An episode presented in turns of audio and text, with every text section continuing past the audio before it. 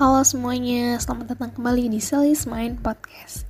Pernah gak sih kan ngerasa di suatu hari kan lagi ngerasa sedih nih? Terus rasanya pengen cerita aja ke orang biar lega. Tapi setelah cerita ke orang, respon yang kalian dapet, kata-kata yang diucapkan sama lawan bicara kalian tuh malah bikin kalian kepikiran. Kayak misalnya kalian cerita, berkeluh kesah gitulah. Tapi terus lawan bicara kalian malah merespon dengan bilang, coba ambil sisi positifnya atau lawan bicara kamu malah bilang coba deh lu bersyukur lihat sini lebih parah dari lu.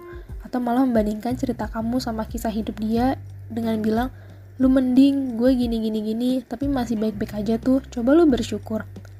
Yang lagi-lagi arah omongannya ke bagian itu lagi. Hmm, hari ini aku mau bahas tentang itu. Hal-hal positif yang dilontarkan orang lain ketika kalian curhat tapi kata-kata positif itu datangnya di saat yang gak tepat gitu Sebelumnya, aku mau ngasih tahu kalau semua itu biasa disebut toxic positivity. Jadi toxic positivity sendiri adalah konsep di mana menjaga sekitar kamu untuk terus bersifat positif adalah cara hidup yang benar, menurut orang dengan toxic positivity. Kayak hanya berfokus pada hal positif dalam hidup dan menolak atau mengabaikan pengalaman negatif apa pun. Padahal ya sebenarnya pengalaman negatif itu biasa. Maksudnya ya itu kan pengalaman ya, dan juga kita hidup emang sih untuk terus bertumbuh menjadi baik. Tapi kan kita juga punya perasaan ya jadi nggak bisa selalu positif. Karena ada kalanya ya karena kita punya perasaan jadi yang namanya sedih atau mood jelek atau semacam itu wajar.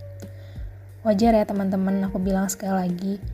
Yang mungkin gak wajar adalah nggak pernah merasakan sedih kayak hidupnya senang terus. Bagus sih cuma kayak nggak mungkin banget orang bisa terus senang dalam hidupnya pasti ada sekali, dua kali pun merasa sedih atau merasakan hal negatif gitu. Nah, terus gimana cara ngebedain toxic positivity sama healthy positivity ya? Jadi, kalau yang healthy positivity atau kepositifan yang sehat itu lebih ke pola pikir kita menerima semua emosi dan belajar dari emosi itu untuk membantu kita bergerak maju. Kita nggak mengubah orang-orang sekitar kita, tapi kita mengubah cara kita melihatnya itu yang healthy positivity. Kalau yang toxic positivity itu lebih ke mengabaikan emosi yang negatif atau tidak menyedang, menyenangkan. Dan biasanya akhirnya yang toxic positivity itu pola pikirnya akan berpura-pura kalau ada hal negatif atau emosi yang muncul dan terjadi. Sampai akhirnya emosi itu hilang dan udah lewat gitu aja. Untuk kehidupan sehari-hari sendiri, aku juga pernah merasa kayak, aduh kenapa jadi kayak gini pas aku mencoba cerita ke orang-orang tertentu. Ya, aku anggap beberapa orang ini terlalu menyebarkan toxic positivity-nya ya. Kenapa aku tahu? Karena dari reaksi jawaban mereka setelah aku cerita tuh kelihatan banget itu. Kayak misal aku cerita-cerita biasa aja sih, kayak keluh kesah karena tugas lagi numpuk gitu ya. Terus reaksinya setelah aku cerita adalah, ih kamu tuh harusnya belajar bersyukur, coba lihat si A, kasihan dia lebih parah dari kamu, tapi jarang kan dia mengeluh. Terus aku kayak, oke okay, aku nggak bisa nih cerita-cerita ke dia. Aku sih setelah itu ya oke okay, nggak cerita ya. Maksudnya nggak ada problem selanjutnya yang ditimbulkan dari kata-kata dia. Yang paling jadi males cerita ke orang ini aja. Cuma ada loh beberapa orang yang ketahanan mentalnya juga nggak baik. Misal dia lagi sedih terus jawabannya makin bikin dia kepikiran dan ngebebanin pikiran. Kan makin-makin nambah masalah ya Misal dia berharap dengan dia cerita bisa bikin dia lega seenggaknya sedikit aja. Malah nambah beban dia karena kepikiran omongan orang yang diceritain.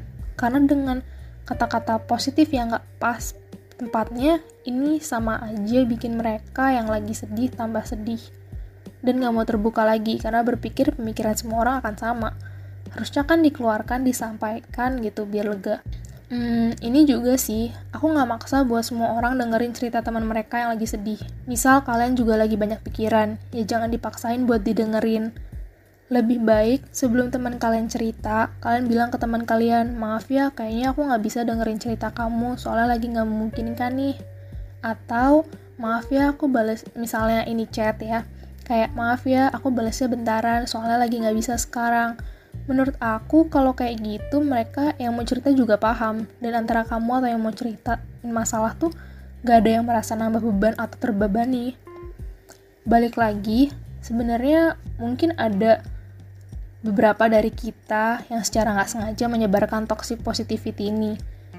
Jadi yang terakhir aku mau ngomongin adalah gimana cara kita menangani toxic positivity.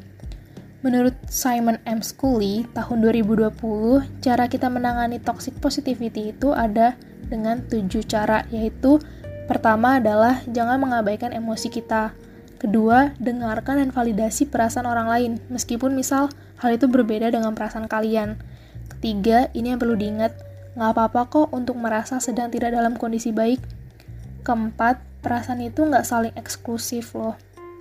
Kelima, bersikap realistis, kayak ya emang itu yang terjadi.